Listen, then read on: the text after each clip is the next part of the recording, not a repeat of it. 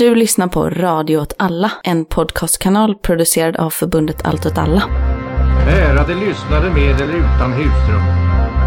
Helt osökt går då tanken till ett överfyllt mottagningsrum på bostadsförmedlingen. Hej och välkommen till dagens podd. Jag heter Carolina. Jag heter Camilla. Vi kommer från Allt åt alla i Göteborg. Idag ska vi spela in en podd i poddserien Staden åt alla. Det här är en lite sporadisk podd där vi snackar om eh, staden och stadskamp. Vad som händer i Göteborg helt enkelt. Det är Precis. temat specifikt för det här avsnittet. Exakt. Och vad som händer i Göteborgs bostadsmarknad. Och vi ska då prata lite om ett fastighetsbolag som heter Västerstaden. Vilka är då Västerstaden? Jo, vi har ju haft lite koll på Västerstaden under det gångna året. Och det började med att Västerstaden eh, strandade förhandlingarna med Hyresgästföreningen gällande den årliga hyreshöjningen helt enkelt.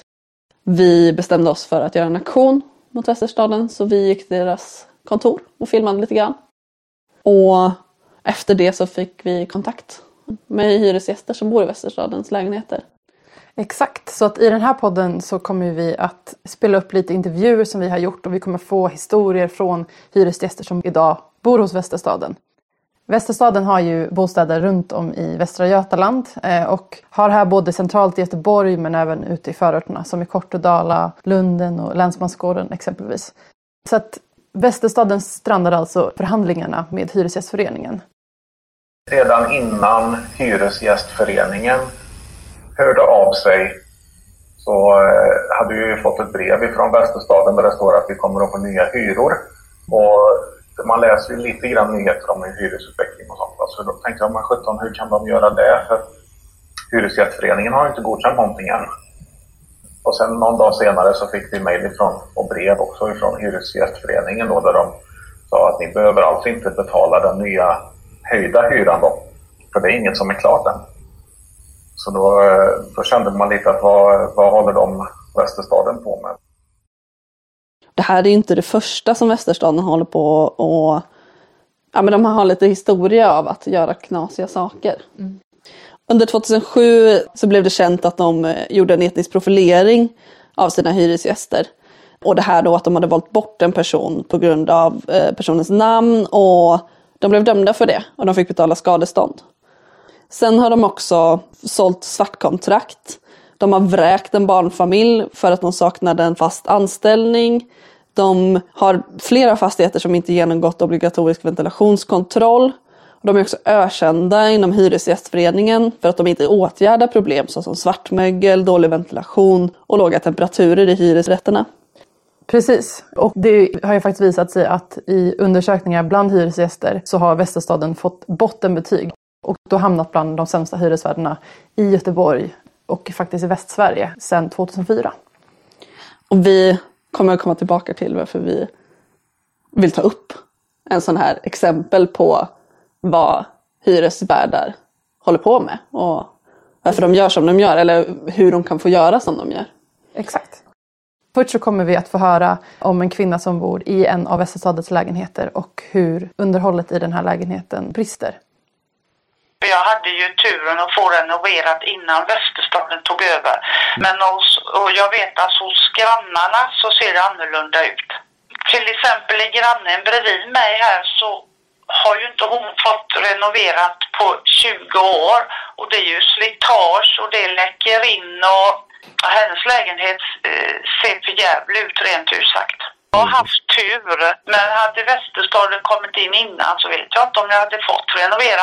Alltså de bryr sig inte om hur det ser ut på utsidan exempelvis. De ser inte till så det sköts om eller vårdas på utsidan. Inte he- in, inget med fasad, fasaden heller. De bryr sig överhuvudtaget inte om huset. Det är svartmögel eh, hos Pernilla och det är svartmögel hos grannen här. Och sen så har det ju läckt vatten i väggarna här och det har de ju inte åtgärdat. Och fönstren fick vi ju insatta till slut sen efter många, många, många klagomål. För till slut så hängde ju inte fönstren ihop. De gick ju sönder. De gick inte ens att öppna. Och först då kom de och bytte fönstren av Västerstaden Men de, hade ju, de kollade ju inte hur jobbet utfördes, ingenting. Så de här killarna som satte in rutorna, de satte in dem fel. Och det här har inte åtgärdats. Det ena fönstret i badrummet sitter bak, eh, upp och ner.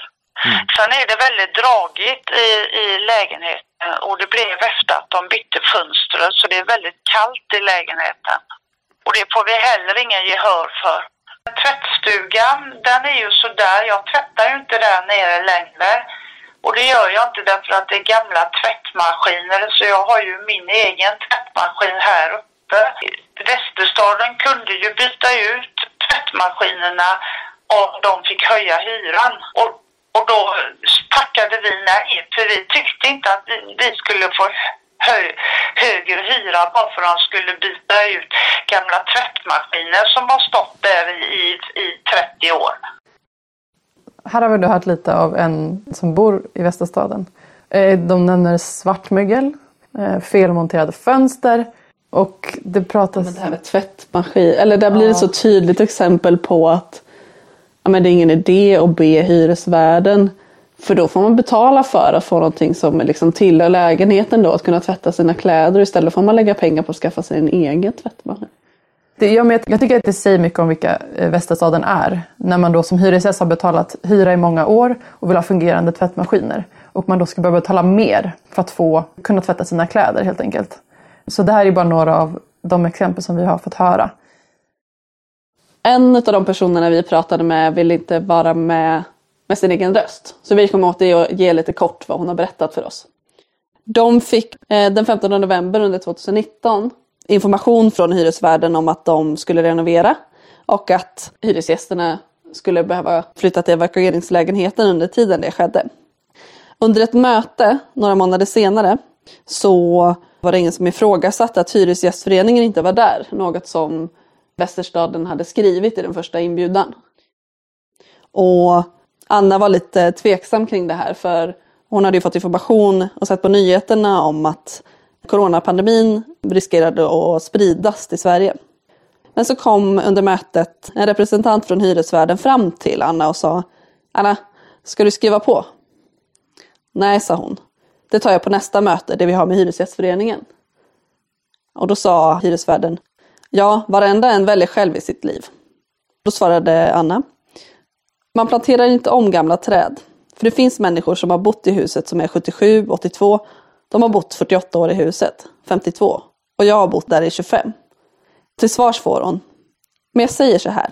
Det som är smidiga, och, ja, de kommer ju få ha det bättre. Du kommer gå till Hyresgästföreningen och om du vill bråka den vägen, då kommer jag behandla dig därefter. Det här är ett tydligt hot som faktiskt framkommer från Västerstaden. Där det är en person som, som inte går med på deras villkor och då möts man med det här. Alla känner att de inte fått tillräckligt mycket tydlig information liksom, eller tillräckligt ja. tydlig uppbackning eller känt att mötet har skett på schyssta sätt. Liksom.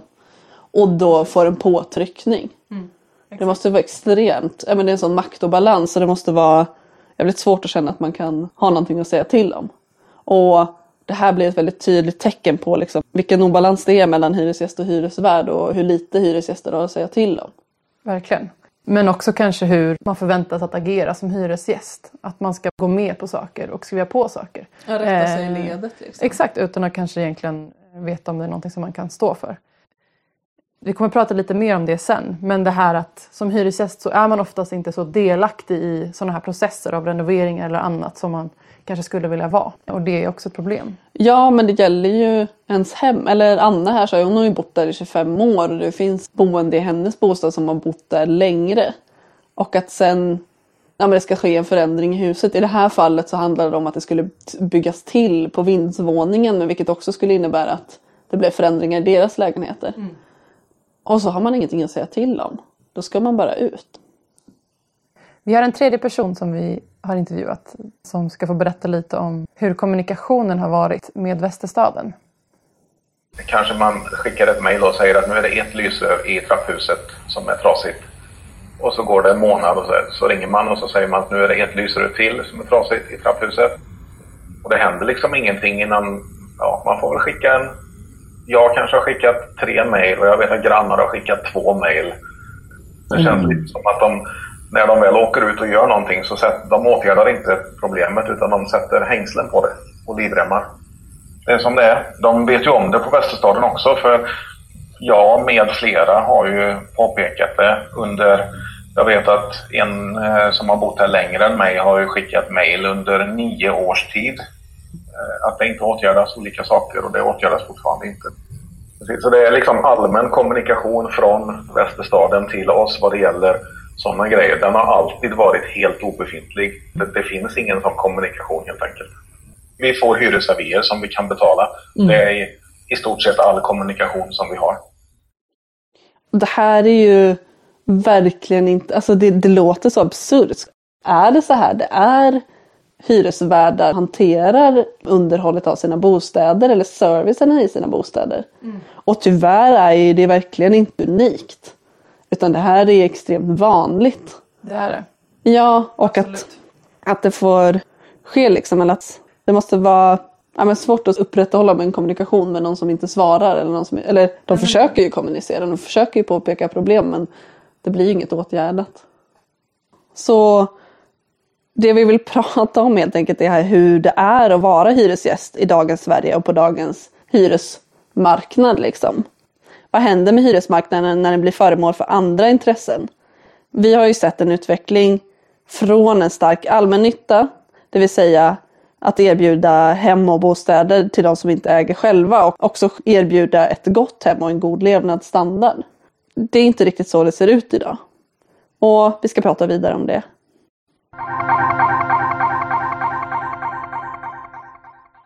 Men när man pratar om hyresrätter och hyresbeståndet så pratar man ju ofta om miljonprogrammet. Man pratar ofta om 60 och 70-talet.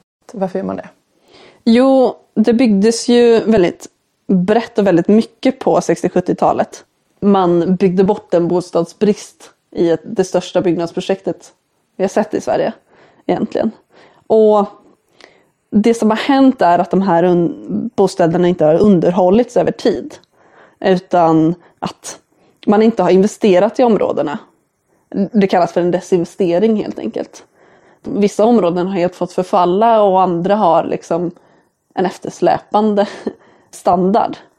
Precis, och jag tycker att det är det som kommer fram nu. För att nu behöver de här eh, bostäderna renoveras. Och då kommer vi fram till vem ska bekosta renoveringarna?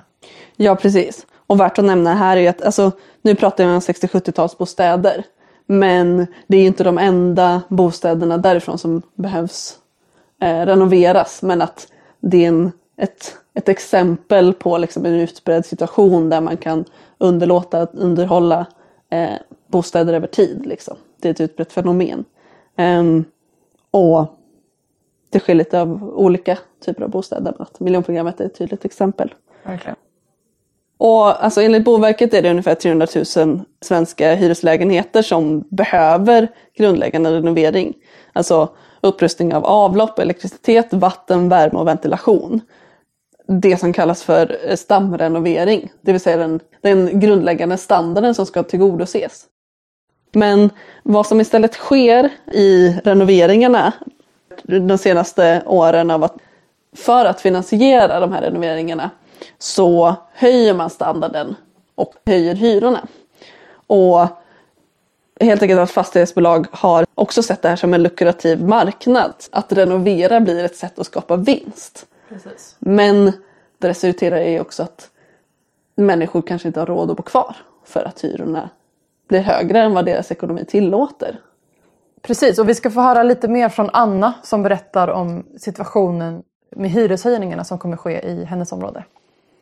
Ja, precis. Anna berättar om att det ska byggas då tre flotta lägenheter på vinden som, ja, hon säger att den kommer att kosta 22 000 för en vindsvåning då. Och det här är alltså den renoveringen som Västerstaden planerar? Ja, precis. Uh, yes. Det innebär att de måste flytta under byggnationen och hon säger när det är dags att komma tillbaka kommer inte jag ha råd. Som ni ser på mina arbetskläder. Jag kommer ju direkt från jobbet. Hade det varit studenter hade det varit okej, okay, men nu ska de bygga flotta lägenheter. Jag betalar 7500 idag. Det blir 12 319 efter höjning. Det är en stor ökning kan man lugnt säga. Det är det verkligen. Alltså 5000 mer i månaden. Precis. Det blir 5000 alltså, mindre av disponibel inkomst. Eller så här, det är ju få som kan ställa om sina liv på det sättet så att de plötsligt tjänar 5000 mer. Alltså det är omöjligt. Det blir en omöjlighet att bo kvar. Och sen också vad jag förstod det som med den här renoveringen så är inte hennes bostad eller grannarnas bostäder i behov av renovering. Det är i ett okej skick så att de har inget intresse av renoveringen heller. Vilket gör det ännu liksom svårare att bli tillsagd att nu, nu är ni tvungna att lämna för vi ska renovera här.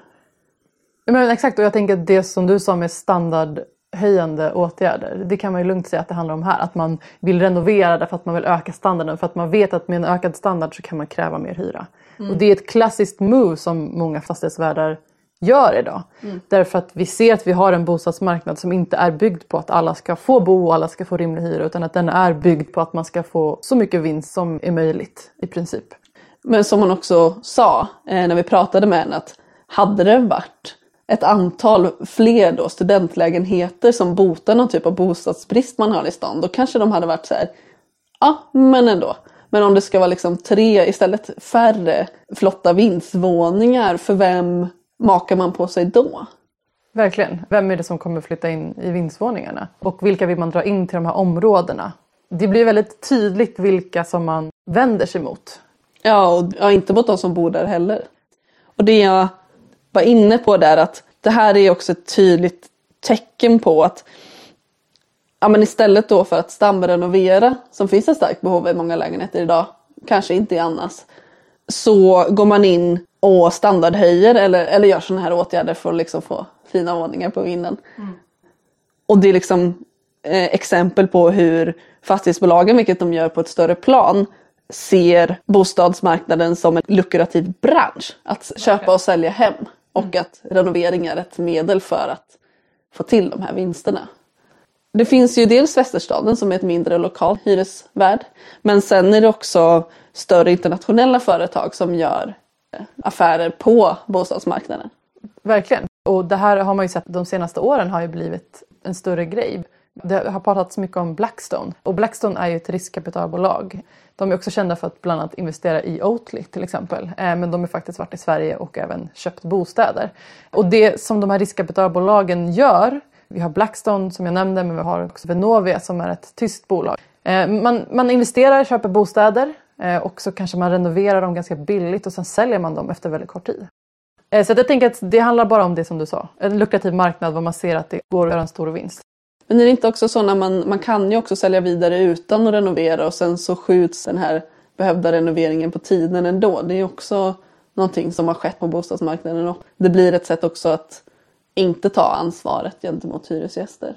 Och att inte renovera kanske då. Att inte renovera, att inte stamrenovera till exempel, vilket är det starka behovet. Och sen plötsligt så befinner man sig i en väldigt akut situation där man verkligen behöver renovera för att ja, lägenheterna fungerar inte längre.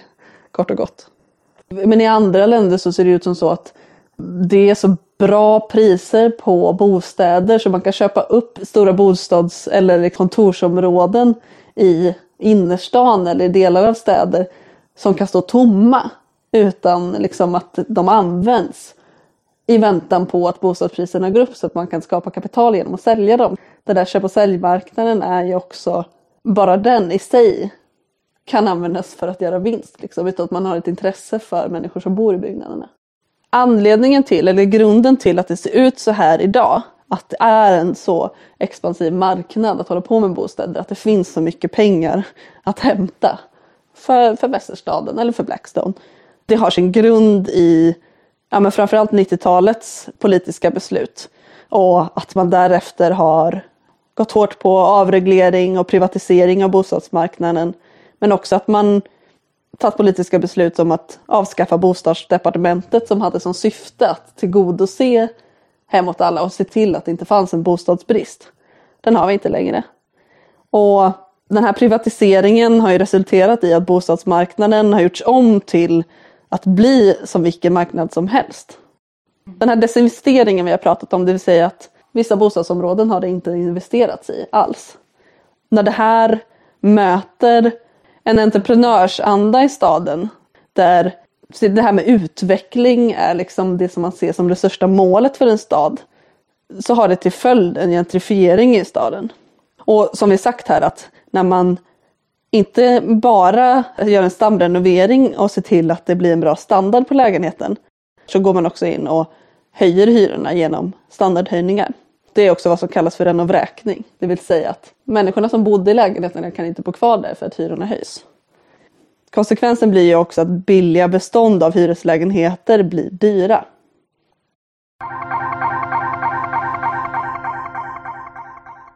Vi ska göra en liten tidsrecap bara för att förstå hur bostadsmarknaden kan se ut som den gör idag.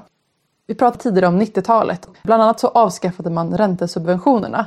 Det här kan ju låta väldigt krångligt men det var egentligen det här som gjorde att fastighetsbolagen fick mindre ekonomiskt stöd av staten för att bygga bostäder. Så man alltså tog bort byggnadssubventioner från staten. Det betyder att då bygga bostäder blev avsevärt dyrare. Idag är alltså bostadsbyggande ett fält där uteslutande privata bolag faktiskt bygger.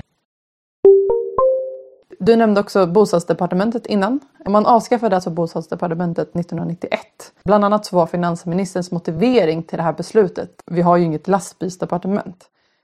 Ja, men avskaffandet av bostadsdepartementet kan man se har bidragit till att eh, hemmet numera ses som vilken vara som helst som kan köpas, säljas och som också då skapar vinster.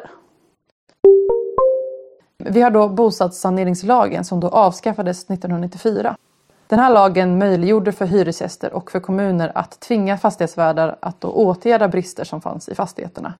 Det här hade då att göra med standard. Hade man inte en viss standard så behövde man renovera. Det fanns alltså en tidigare lägsta standard som fastighetsvärdar behövde rätta sig efter. Och det här finns då inte kvar.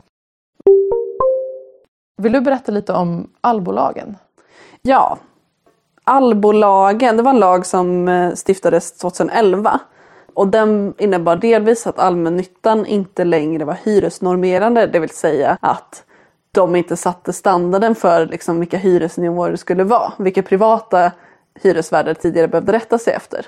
Vad mer så innebar lagen att allmännyttiga bolag, eh, det vill säga kommunalt ägda bolag, skulle drivas enligt affärsmässiga principer. Vilket i många fall har tolkats som att de behöver göra vinst. Vi har också förvärvslagstiftningen som avskaffades 2010. Den här reglerade så att hyresvärdar som inte skött sina tidigare fastigheter eller andra aktörer som av olika anledningar kunde anses olämpliga som hyresvärdar då skulle hindras från att köpa hyresfastigheter. Den här lagen hade brister som bland annat gjorde att det fanns kryphål runt detta. Man kunde till exempel starta ett nytt företag, ett nytt namn. Men istället för att skärpa lagen så valde man då att avskaffa den helt.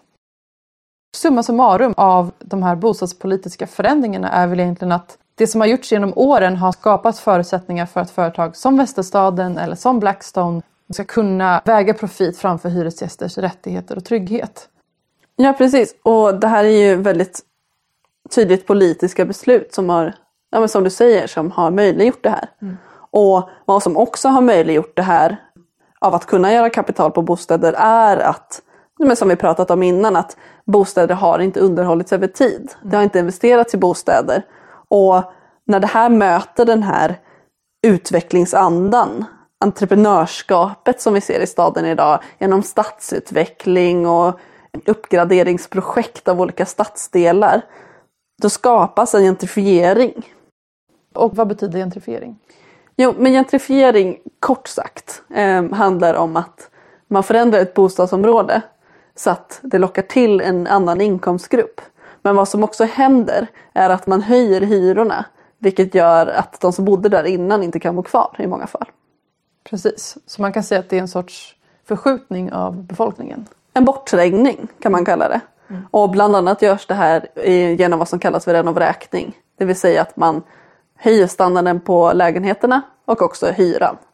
Eh, vilket gör att folk inte har tillräckligt mycket marginal mellan sin inkomst och sin hyra för att kunna bo kvar helt enkelt. Mm.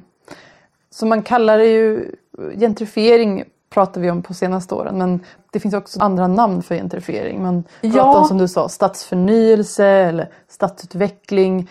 Ja men precis för i Sverige eller den svenska debatten så använder man inte gentrifiering som term för att det har en negativ klang. Man använder det på ett annat sätt i USA till exempel. Där har det inte samma negativa konnotationer. Men istället så kan man ju läsa om i kommunernas planer om just stadsutvecklingsprojekt eller stadsförnyelse och att rusta upp områden. Hur ser det ut i Göteborg? Ja, men vi kan ju ta Kvillebäcken som exempel. Där har det ju skett en ganska stor förändring. Tidigare så var det vad man sa det var nedgånget område och man hade fel typer av människor som rörde sig där. Ja, men de byggnader som är där idag är ju väldigt nya och det, är liksom, det har skett över ganska kort tid att det, det området har förändrats. Exakt, och idag så kallar man det ju faktiskt för Nya Kvillebäcken. Så det handlar väl om att så man vill göra sig av med det gamla och skapa någonting nytt. Också att man man vill investera i områden, man vill ge utrymme för ny företagsamhet att skapas där, till exempel nya restauranger eller nya fik och affärer. Det som är problemet är väl att det inte är en investering man gör för folk som har bott där länge utan det är just för de här nya inkomstgrupperna som du pratade om.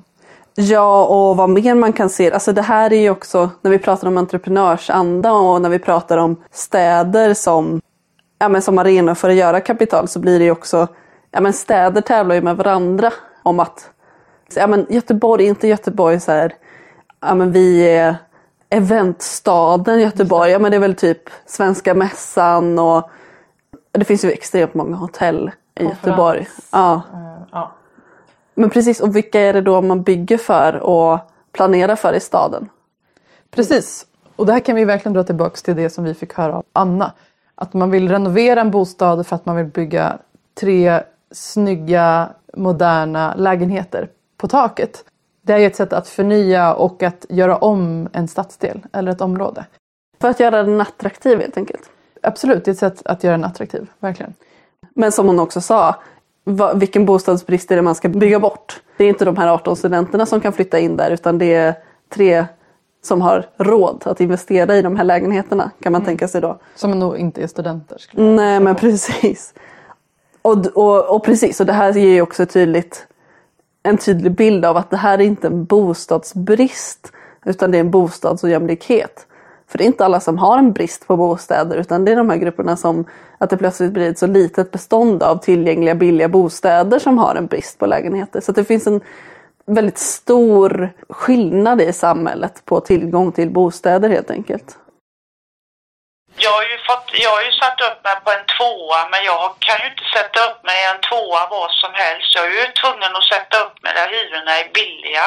Så har jag ju märkt det att det är ju hemska hyror överallt och i de nya bostäderna där ligger ju tvåor på 10 000.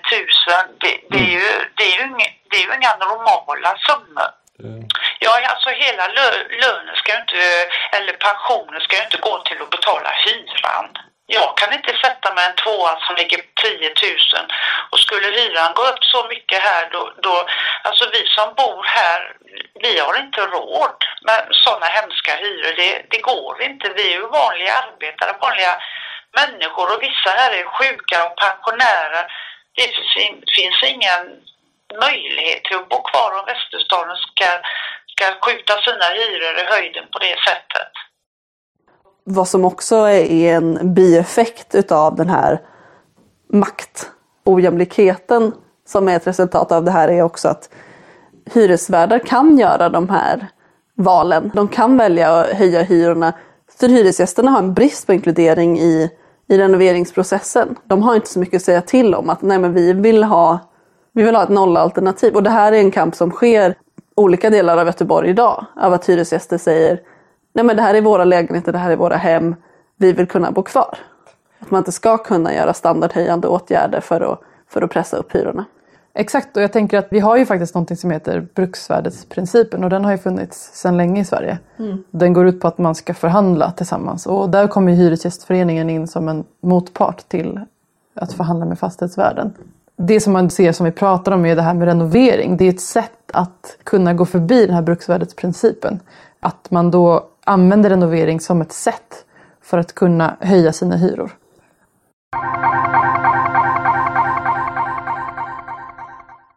Men vi har en bristande bostadsmarknad idag. Jag tänker att det är folk väldigt medvetna om. Västerstaden är ett tecken på hur man kan utnyttja den här bostadsmarknaden.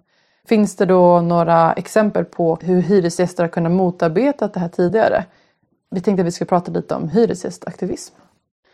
Jo, efter det att 400 000 människor vräktes från sina hem i Spanien 2009 skapades Plataforma de Afectadas por la Hipoteca.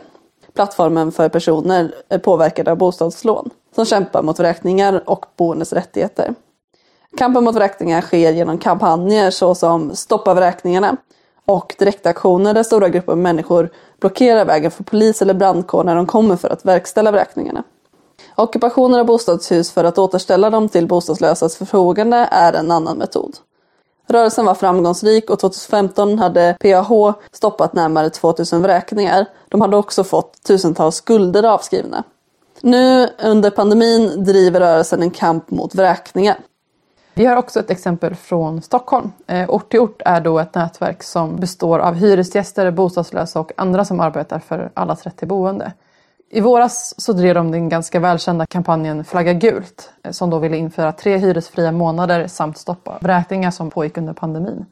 Eh, just nu så driver de bloggen Stoppa avhysningarna där de då lägger upp intervjuer från nyanlända som hotas att vräkas från sina hem. Det här händer i Sundbyberg. Under första veckan i december har Ort till Ort dragit ihop en ny arbetsgrupp mot pågående vräkningsärenden. Gruppen planerar att dela ut 10 000 flygblad i Sundbyberg och ber folk att hjälpa till, bland annat genom att swisha pengar till rättegångskostnader. I en intervju med tidningen Arbetaren sa en person från ort till ort. Vi vill att folk gör som i andra länder och sätter sig ner i trappan och stoppar Kronofogden. Utifrån att det handlar om att rädda liv så är det nödvändigt med den typen av motstånd. Vi vill att folk ska kontakta oss för att hjälpa till att stoppa avhysningarna så att ingen blir hemlös. Ja, sen har vi bostadsvrålet. I flera svenska städer har det efter allbolagens införande 2011 startats lokala grupper, nätverk och initiativ som motsatt sig kostsamma renoveringar och föreslagit alternativa lösningar med boendes perspektiv i fokus. Så som till exempel nollalternativ. Sedan 2014 hålls också en årlig nationell konferens. Konferensen arrangeras på ideell basis, roterar runt i Sverige och fungerar som en plattform och mötesplats för utbyte och erfarenheter mellan olika orter och aktörer. Och utöver det här så kan det också bara sägas att det sker massa kamp runt om i vår stad idag, i Göteborg. Det sker bland annat på Kalendervägen i Kortedala. Det sker i Hjällbo bland annat. Och det är ju också grupper av människor som går upp och protesterar mot renoveringar och hyreshöjningar av sina områden. Mm. Eh, så att det pågår mycket eh, och vi vill egentligen bara framföra initiativ därför att det går att göra någonting. Det finns möjlighet att göra motstånd och säga ifrån. Det är lätt att känna sig maktlös idag som hyresgäst. Just för att man är i en position där man är i behov av ett hem och ett boende. Men om vi organiserar oss och arbetar tillsammans så kan vi faktiskt göra förändring. Och det är det som vi har sett här under året men också eh, genom tiden. Ja, och här är det väl också lämpligt att nämna att 18 april så sker en nationell aktionsdag mot marknadshyror. Och vi uppmuntrar alla till att ansluta sig till aktionsdagen och fan sätta ner foten mot att de över våra huvuden ska införa marknadshyror. Så anslut er och organisera er för den här aktionsdagen men också kolla upp i era städer om ni kan dra ihop ett gäng.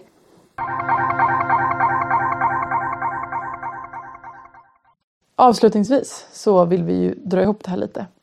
Ja, men jag tänker att vi, vi har lärt oss väldigt mycket av att prata med de här hyresgästerna från Västerstaden.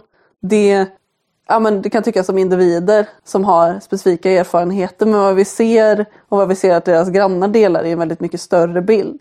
Dels av att Västerstaden eh, beter sig riktigt tradigt om man säger så. Och går liksom verkligen över huvudet på deras hyresgäster och värnar inte om deras rätt till ett tryggt hem om man säger så. Men vad mer så vittnar det, alltså kan man se en större bild i det hela. Det här är ett bostadsbolag av väldigt många. Och vi eh, ser fram emot att skapa en, en stor eh, rörelse mot höga hyror helt enkelt. Och höja rösten mot att det här är inte en naturlag att hyresmarknaden ska utvecklas på det här sättet. Det ska finnas en, en allmännytta som gynnar ja, men boende, som, som tillgodoser en, en bostad som alla har råd med. Hyrorna blir ju bara dyrare och dyrare så jag vet inte. Och, och Västerstaden har ju varit inne i vissa lägenheter då när de har varit tomma här och gjort ordning köket och badrummet och så har de lagt på ett par tusen kronor för att höja hyran. Och, och vi då har ju tackat nej för den, för den renoveringen av lägenheten för vi anser inte att det är en skälig summa. Och då, då har, man ju tackat nej till den här renoveringen och då gör de ingenting. När Arne hade det och hans dotter, då lyssnade de mer på oss och mer på Hyresgästföreningen. Men det gör ju inte Västerstaden. De vill ha fria eh, hyreshöjningar och naturligtvis så sätter vi oss emot detta för då kommer ju inte vi ha råd att bo kvar. Ja, jag önskar att Västerstaden kunde se sina hyresgäster, inte sina pengar. Ärade lyssnare med eller utan husrum. Helt osökt går då tanken till ett överfyllt mottagningsrum på bostadsförmedlingen